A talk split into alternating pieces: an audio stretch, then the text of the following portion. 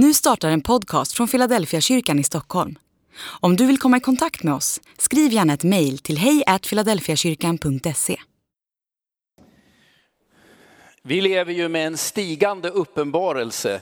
Ni hörde eh, Stefan säga varannan tisdag, det är nu varje tisdag.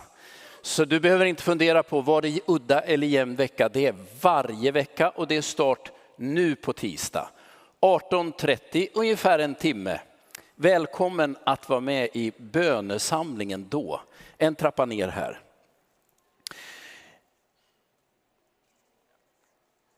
Ni såg rubriken, Frida refererar till den, en kyrka för alla. Vi satt och funderade på hur, vad, vad har vi för överskrift över starten på den här hösten. Vi hade flera olika idéer. Men vi landade i, i en kyrka för alla. Det vill vi, det skulle vi önska att vi verkligen fick vara. Och om du funderar på var kommer det ifrån så skulle jag vilja ta med dig till det mest kända bibelordet i Nya Testamentet. Johannes 3 och 16 kommer upp på skärmen här. Jag tänkte att nu ska vi läsa det här tillsammans. Är ni med? Högt och gemensamt. Så älskade Gud världen att han gav den sin enda son för att de som tror på honom inte ska gå under. Vi tar det en gång till. Nu, en del av er är vana vid en annan översättning. Detta är ju Bibel 2000. Den kom för 20 år sedan. Eh, så vi tar det en gång till. Är ni med nu? Försök trycka på lite grann.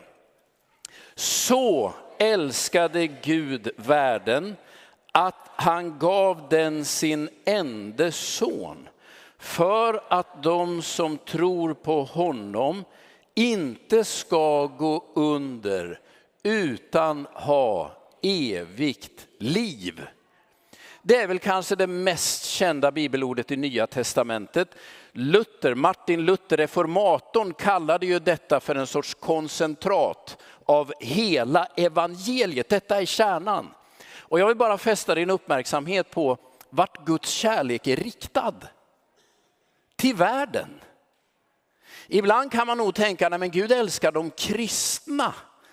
Om inte annat älskar han nog Philadelphia församlingen. Och det vill jag ju tro, för vi är en del av världen. Men Gud har inte olika fack i sin kärlek, utan Guds kärlek gäller världen, summan av allt skapat, alla människor överallt, oavsett deras egen ståndpunkt i olika frågor, oavsett deras egna livsval, så är vår tro, det är vår grundtro. Gud älskar alla människor. Så vi vill vara en kyrka för alla. Ta med den tanken och när jag förbereder mina predikningar och andra kommer att förbereda sina predikningar här i höst. Så har vi sagt att tanken är att vi ska tala om något som alla, eller åtminstone väldigt många, kan ha någon sorts referens till. Som oavsett om man nu är kristen eller inte kan man ändå tänka, ja men det där är frågor jag också funderar på. Så det jag skulle vilja ta med dig i och tala om en liten stund nu, det är självbild, självkänsla och självförtroende.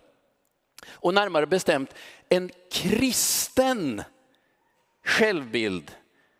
En kristen självkänsla och ett kristet självförtroende. Jag talade om det här förra söndagen och stannade ganska mycket vid just bilden och känslan. Och bara för att du ska kunna hänga med nu så, så sa jag att i mitt huvud, jag vet inte om det är så här man ska använda orden, men i mitt huvud när jag har förberett så har jag tänkt att det börjar med bilden jag har av mig själv. Vem är jag egentligen? Och den bild jag har av mig själv den väcker ju alltid någon form av känsla i mig. Det känns bra, eller det här känns inte bra. Och bilden och känslan ger ju mig någon form av förtroende eller i värsta fall misstro. Så självbild, självkänsla och självförtroende. Och förra söndagen talade jag ganska mycket om självbilden och självkänslan. Och de går att hitta rätt fort i, i Bibeln. Det är fullt av den typen av bilder som man kan speglas i. Även om språkbruket inte är direkt vårt, så går det med lite möda att förstå innebörden i de här olika bilderna och vad de säger. Jag talade om att vara barn eller att vara slav förra söndagen. Missar du det här så går det ju att hitta detta på Youtube, på Philadelphias Youtube-kanal. Idag skulle jag vilja säga någonting om, självkäns eh, om självförtroendet. Och då kan jag säga direkt, det är mer bekymmersamt. Jag kommer förklara varför. Alltså att tala om självbilden och självkänslan, det går fort att identifiera i Nya Testamentet. Vad är det jag känner? Vem är jag? Men när vi ska börja beskriva självförtroendet, då blir det plötsligt mer besvärligt. Jag hoppas att du ska förstå varför. Men jag börjar någonstans där jag slutade förra gången. Ta med dig till Romarbrevet kapitel 12 och vers 2. Där står det så här. Anpassa er inte efter denna världen, utan låt er förvandlas genom förnyelsen av era tankar så att ni kan avgöra vad som är Guds vilja, det som är gott, behagar honom och är fullkomligt. Det är egentligen det här, hela det här bibelordet jag skulle önska att du själv skulle följa med i. Anpassa dig inte efter den här världen. Det betyder ju att du inte okritiskt ska ta över alla föreställningar om vad är ett gott liv som finns runt omkring dig idag. Det betyder samtidigt inte heller att du ska ifrågasätta allt som inte har kyrkan som avsändare. Det finns ju så mycket som görs av så många människor, olika institutioner som är bra. Det kan du ta vara på och vara glad för.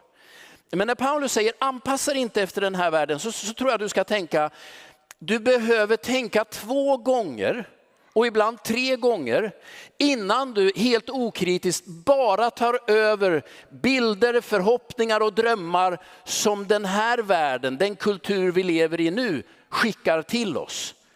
Tänk till. Och när jag nu talar om självbild, självförtro eller självbild, självkänsla, självförtroende, så är det lite grann utifrån det Paulus säger. Tänk, anpassa dig inte efter den här världen, utan låt dig förvandlas genom förnyelsen av dina tankar. Så kan du avgöra vad som är Guds vilja. Det som är gott, fullkomligt och behagar honom. Nu vet jag att en del av er som sitter här, ni skulle direkt säga, jag är ingen tänkande människa, jag är en kännande människa. Jag lever på mina känslor, jag reagerar på mina känslor. Det är de som lägger ut kursen för mig. Ja, så är det nog för ganska många av oss. Känslan är ju oftast väldigt direkt. Den tar liksom över allting. Men även om du är en utpräglad, eller kanske särskilt om du är en utpräglad känslomänniska, så vet du att det finns folk omkring dig som någon gång har sagt, tänk efter. Vilket ju egentligen borde omformuleras, tänk före. Det vill säga innan din spontana känsloreaktion sticker iväg med dig, stanna upp ett tag och bara fundera på vart leder det här och kommer jag gilla det jag hamnar i då? Hänger ni med på den? Eh, det jag tror att vi alla till sist ändå skulle kunna vara överens om, det är att, att det är våra tankar, alltså det vi själva kan argumentera för, Även om ingen annan begriper vår logik, om vi själva har någon sorts logik kring någonting, då kommer vi att kunna stå kvar på den platsen. Vi kommer kunna försvara det. Men om vi inte har någon form av logik kring våra känslor och beslut vi fattar, då blir det till sist ganska så lös sand under våra fötter. Jag brukar tänka på det här när jag möter människor som är förälskade i varandra. Det är ju oftast den där starka känslan som tar tag i dem. Men när jag kommer in i bilden, det brukar vara när folk funderar på att gifta sig, så har alla par hittat någon form av logisk argumentation till varför just de två passar ihop. Vi gillar svart porslin bägge två. Tänker man när man hör det, det kanske inte kommer att hålla för ett helt äktenskap, men det är ändå någon form av argument. Eller också säger vi är så olika och det är så bra. Men det par som inte lyckas sätta ord på någon form av logik till varför just de hör ihop och varför deras kärlek kommer att bära, det blir svårt i längden. Alltså tanken är även för starka känslomänniskor till sist väldigt avgörande. Det här vet ju alla som sysslar med själavård eller terapi i olika former. När man har varit med om en svår upplevelse, ett trauma, eller om man har saker i sin barndom som man aldrig har bearbetat men som ligger som en sån här känslobomb under ytan. Då vet ju vi genom erfarenhet att alla människor mår bra av att sätta ord på det man har varit med om. För några av er så är det där en djupt obehaglig upplevelse. Därför att när man ur sitt inre plockar upp de erfarenheter som man aldrig har benämnt förut, så är det som att känslan får liv igen. Men det som händer när man talar om det där om och om igen, jag har varit med om det här, det här hände mig, det här utsattes jag för. Det som händer är att kraften i den där känslan börjar balanseras. Sår börjar läkas. När jag med min tanke vågar utmana de känslor som är som en inneboende vulkan i mig, så börjar ron att komma. Det här är en djup erfarenhet som jag tror man ska vara rädd om. Och så vet ju ni också att sätta ord på svåra erfarenheter, det kräver ett stort mått av förtroende. Och här i Philadelphia finns ju 20 stycken själasörjare, kloka, erfarna människor som du skulle kunna gå och prata med. De har moralisk tystnadsplikt, det vill säga du kan vara säker på att det du säger till dem, det stannar där. Men ibland är det ju precis det där som behövs för att jag ska komma vidare. När en stark känsla förblir obearbetad är risken att mitt liv liksom blir kvar vid den erfarenheten. Jag kommer inte vidare. Alla ni som lever med någon som går igenom en sorg eller i närheten av en sörjande människa, ni vet att sörjande människor de ältar. De behöver berätta samma sak om och om och om igen. Och som anhörig eller vän så skulle jag råda dig, orka lyssna. Därför att det som händer när samma berättelse berättas om och om igen till tårar och med känsloyttringar, det är faktiskt att så småningom lugnar sig det där.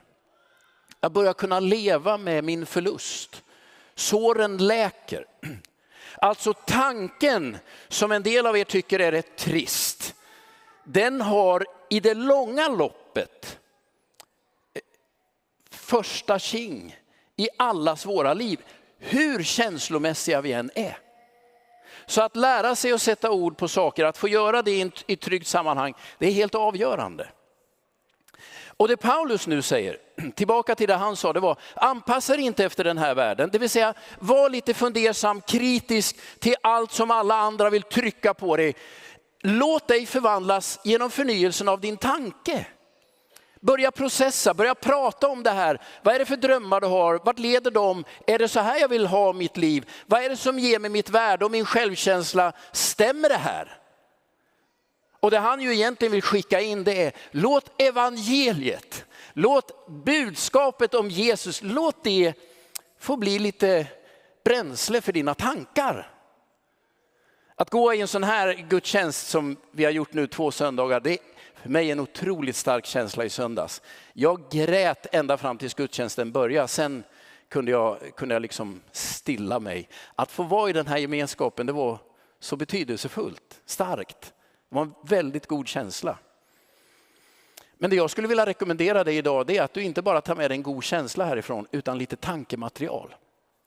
Och när du går hem, prata lite grann om det här och kan ni inte prata med varandra, hitta någon och bolla lite grann av de här frågorna med. För alla vi som sitter i det här rummet, vi lever i en tid och i en kultur där frågan om självbild är enorm.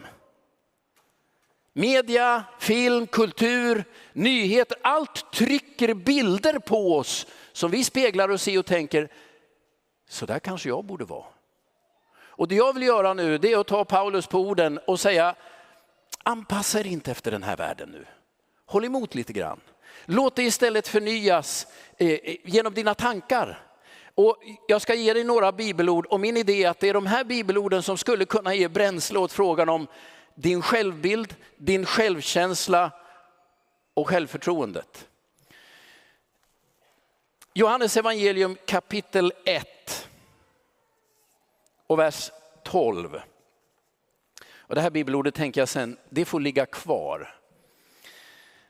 Så här står det, men åt dem som tog emot honom, och honom i det här fallet det är Jesus, men åt dem som tog emot Jesus gav han rätten att bli Guds barn, åt alla som tror på hans namn.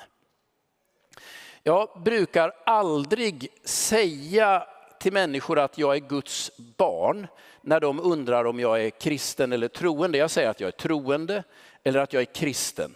För skulle jag säga att ja, du vet, jag är Guds barn, så får det ibland en lite udda känsla sådär. Det är lite sektliknande. fanns nog någon sekt i min ungdom som kallade sig för Guds barn. Men jag tror ändå att det här uttrycket är oerhört betydelsefullt idag. Därför att det har med vår identitet att göra. Det har med vår självbild att göra. Vem jag är barn till definierar ju i väldigt hög utsträckning vem jag är. Mina söner blir ju med åren allt mer lika mig, liksom min, jag blir allt mer lik min pappa. Det där kan ju vara lite ångestladdat också. Då säger jag igen, vi har själavårdare som man, man kan gå och tala med och man behöver processa detta. Min röst låter likadant och min fru kan ju inte heller efter 31 års äktenskap låta bli att påtala detta. Du låter precis som din pappa. Eller du låter precis som din mamma. Vilket är sant, man är ett eko av sina föräldrar. På gott och på ont. Men ni vet att vems barn jag är, det blir helt avgörande för min självbild. Och de flesta av oss i det här rummet, vi har ju inte gått ur vår barndom helt oskadade. Det, vi har med oss en del sår, vi är lite kantstötta, det är ju så det är att vara människa. Det du ska tänka nu är att i antiken så var det här med familj otroligt mycket mer betydelsefullt än det är idag. Idag kan jag välja vilken utbildning jag vill. Jag är inte beroende av mina föräldrars stöd för att kunna utbilda mig. Jag har väldiga möjligheter. Det är ju nästan så att vi är individer mer än familjemedlemmar i Sverige idag. Men när det här skrevs var familjen det som per definition satte gränserna för mitt liv. Ni vet några av er att Jesus han var snickare innan han blev predikant av det enkla skälet att det var hans pappa. Yrken gick i arv. Det där systemet har ju funnits i vårt land också med skråna som fanns. Nu ska vi inte ge oss in i historien. Men man, man tog över yrkesroll i familjen. Vem, vem jag var barn till avgjorde ju min sociala status. Bakåt i tid, innan Sverige demokratiserades, då var det familjer som styrde detta rike. Och, och makten kunde till och med gå i arv. Det är en svår tanke, men så har det sett ut. Så ser det fortfarande ut i stora delar av världen. Alltså familj är otroligt avgörande för min identitet. Vem jag ska gifta mig med, vilken typ av roll jag kan ha i samhället. Allt avgjordes av familjen. När man förstår det här då inser man hur explosivt det här talet om att bli Guds barn var för de första kristna.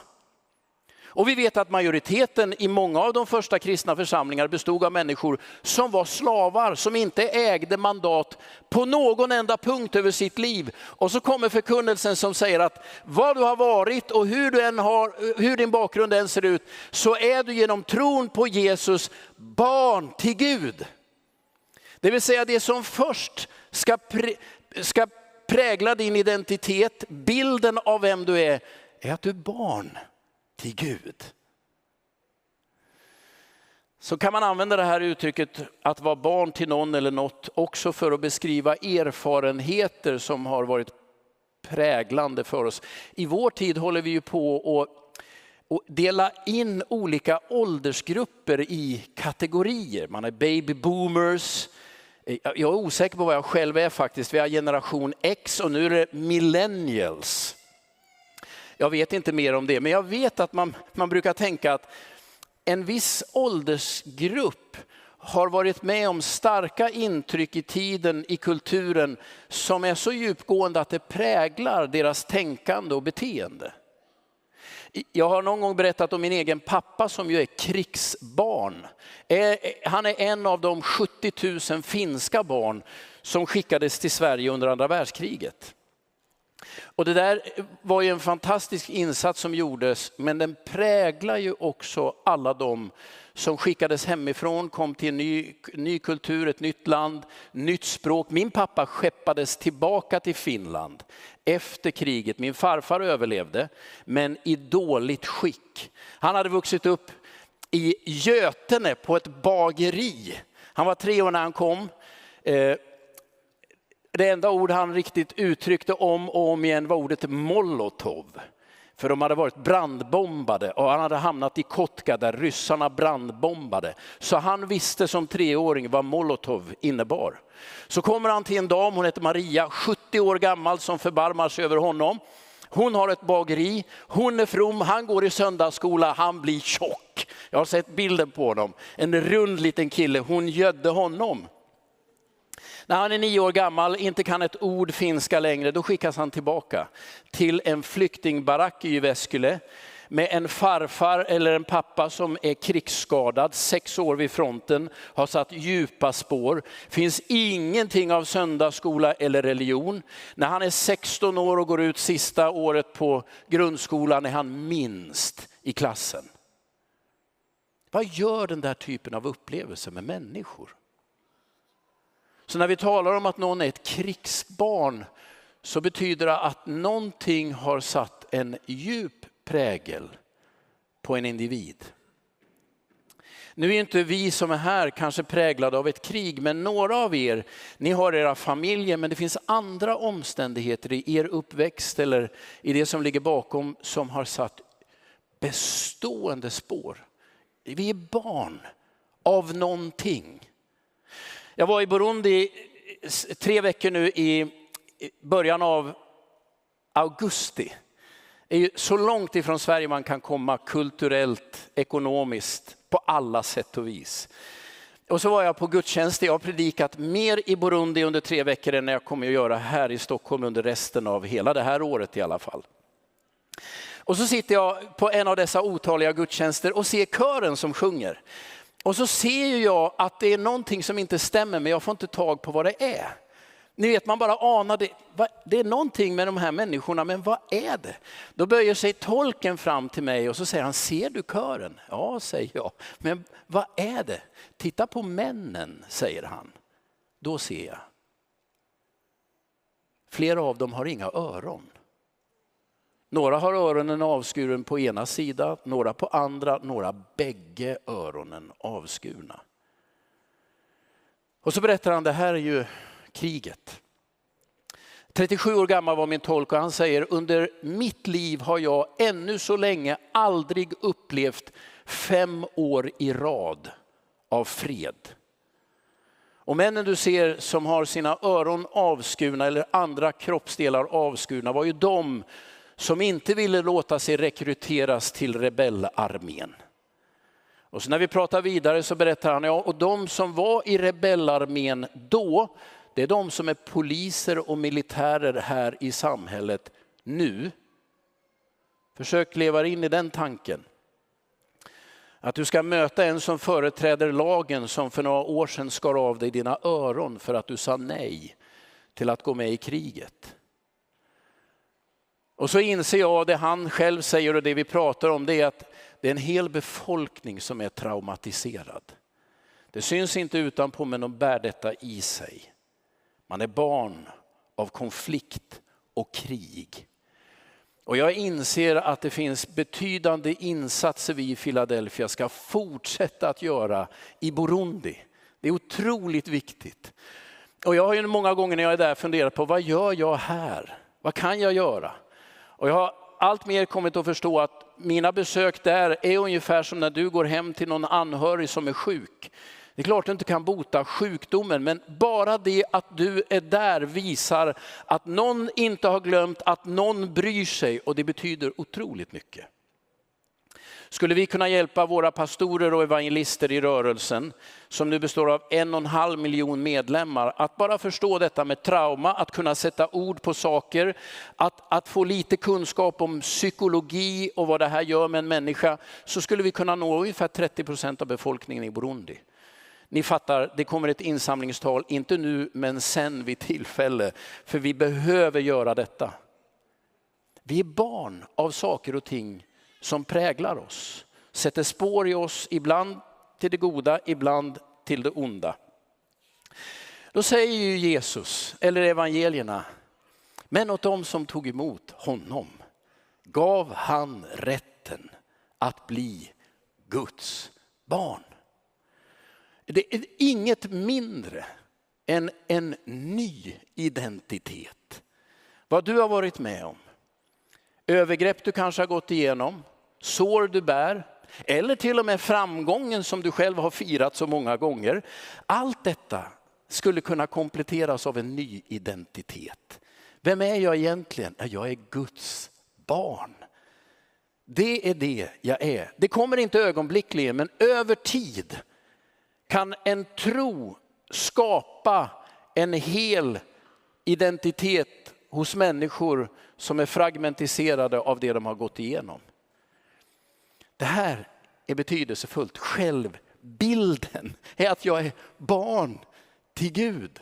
Och ur det kommer ju så småningom en självkänsla av trygghet, av glädje, av vila. För jag är ju barn till mina föräldrar, har själv fyra barn. Ingen av oss, varken jag eller mina barn, har behövt betala någonting. Jag har inte genomgått något test hemma för att se om jag duger för att heta Pienso i efternamn. Det gör jag. Hur oduglig jag än har varit har jag fått ha det efternamnet. Därför barn är man genom sin födelse. Inte genom kvalifikationer, betalningar eller kompetens. Man bara är det. Jag har mitt värde genom det jag är, inte genom det jag gör. Det är en enorm befrielse i detta. Att vara barn till Gud, du som sitter och tänker Gud gillar inte mig, jag duger inte. Du tänker i helt fel kategorier. Tron gör dig ju inte till arbetare hos Gud som får lön efter den kompetens man besitter när du blir barn hos Gud. Och Det betyder att vare sig du är framgångsrik eller misslyckas så är och förblir du barn. Ditt värde kommer inte av det du gör utan av den du är. Anpassa er inte efter den här världen. Utan låt dig förvandlas genom förnyelsen av dina tankar. Tänk denna tanke. Men åt de som tog emot Jesus gav han rätten att bli Guds barn. Så enkelt. Ja, då tar jag emot dig Jesus. Då har du rätten att vara Guds barn. Och då kommer inte ditt värde längre att bedömas utifrån vad du lyckas med, misslyckas med, utan bara genom den du är. Och då hamnar man ju i det här med självförtroende då blir det plötsligt mycket svårare. För Nya Testamentet talar ju inte om självförtroende utan gång på gång om Jesus förtroende. Det, det Nya Testamentet säger är ju inte så titta på dig själv och blås upp dig, du duger, utan den säger titta på Jesus och lita på honom. Det kommer att bära. Så när jag söker efter självförtroendet i Nya Testamentet, då är det svårt att hitta. Därför att det talar om och om igen om Jesus förtroendet som grunden för någon sorts trygghet och identitet. Idag tror jag att många av oss tänker att självförtroende det kommer när man vet att man kan. Jag vill kunna. Jag vill veta. Jag har erfarenhet och det gör att man är lite trygg. Den kan du eh, vara rädd om. Men, men Bibeln sätter faktiskt lite frågetecken framför detta. När du lägger hela din identitet i det du själv kan och det du själv vet och det du själv har varit med om, då är du faktiskt rätt illa ute. Därför att det finns ett bäst före-datum på all kunskap och all erfarenhet. Bibeln talar väldigt sällan om att titta på dig själv och vad du duger till och vad du kan och att du är värdefull. Den säger istället, titta på Jesus och håll blicken kvar där. Och det talar om och om igen om ödmjukhet som livshållning. Det vill säga att medvetet vara lite återhållsam med vad du tror att du kan och hur duktig du är. Den talar om lyhördhet, medkänsla, inkännande. Och det samlande ordet som ganska ofta används för oss som är kristna, det är att vi är lärjungar. Det vill säga vi är fortfarande i skola. Så tanken att jag en dag bara skulle kunna säga, här står jag och jag, nu har jag koll på läget. Åt det hållet pekar inte Nya Testamentet. Den säger istället, ställ dig så nära Jesus du kan. Där är du trygg. Vad är bilden av mig själv? Jag är barn till Gud. Vad är känslan i det? Det är en väldig lättnad. Men jag kan inte så mycket och det är helt okej. Okay. Jag klarar inte allt, jag gör fel ibland. Det är också okej, okay, för jag är ju barn hos Gud och det kan ingen ta ifrån mig. Det blir inga löneavdrag för jag har inte betalt för att vara barn hos Gud. Här i Filla kan det bli värre. Ni vet, här har vi ett överens, en överenskommelse av att jag jobbar mot en viss ersättning. En dag kommer det ta slut. Men mitt värde kommer av att jag är barn till Gud. Det kommer aldrig ta slut eller tas ifrån mig. Det är i de kategorierna Bibeln talar. Och vad gör jag då? Ställ dig så nära Jesus du kan. Att inte kunna allt är inget problem, för jag är barn till någon. Och det handlar inte om min förmåga eller min kompetens. Vi lever med någon sorts hjältesyndrom idag. I filmer, i böcker, i andra sammanhang handlar det om att man på något sätt måste kliva ut och visa vem man verkligen är. Jag tänker varje gång jag hör någon människa säga, jag ska visa vem jag är. Ja, vet du ens vem du själv är? Jag själv har ju levt i 57 år och är lite tveksam emellanåt. Men en sak vet jag, det är att jag är barn till Gud. Det är min identitet. Det är platsen jag hela tiden återvänder till. Det är där jag gång på gång försöker rota mig. Självförtroende, så som jag läser om det i Bibeln, handlar ju inte om att förverkliga mig, mitt och mina. Det är ju den treenighet som vår tidskultur talar mest om. Dig, ditt, dina, mig, mitt, mina. Nej, vår tids, eh, eller det jag uppfattar som Bibelns hela tiden norm är, drömmen är att kunna förverkliga Guds vilja. Då mår man som allra bäst. När jag åkte hem ifrån Burundi så, så tänkte jag att det, jag vill ha något med mig när jag kommer hem till Helena, min fru. Vi har ju varit gifta i 31 år så jag vet rätt så väl vad hon behöver eller vad hon tycker om. Så jag gick och köpte en parfym till henne i Addis Abeba. Det var nog inte billigare än i Sverige men det känns ändå bra att ha någonting med sig när man kommer hem. Och så funderar jag på varför gör jag det här? Och det enkla svaret är att jag är inte rädd för min fru. Ni vet när jag kommer hem, hur kommer stämningsläget vara, vad händer? Det är bäst att ha med sig en gåva så man blidkar henne. Vi har inte den relationen. Utan den enda enkla bevekelsegrunden till att jag ville hitta något, det är att jag älskar henne. Det vore så roligt att ha något med sig. Ni vet ju några av er, ni har er stora glädje att leta julklappar. Därför att det roligaste är ju att se när folk öppnar och blir glada. Det är det man vill. Jag är barn till Gud. Och min glädje är ju att lyda Gud, inte därför att jag är rädd, går omkring med en olustkänsla i kroppen, har jag gjort fel nu?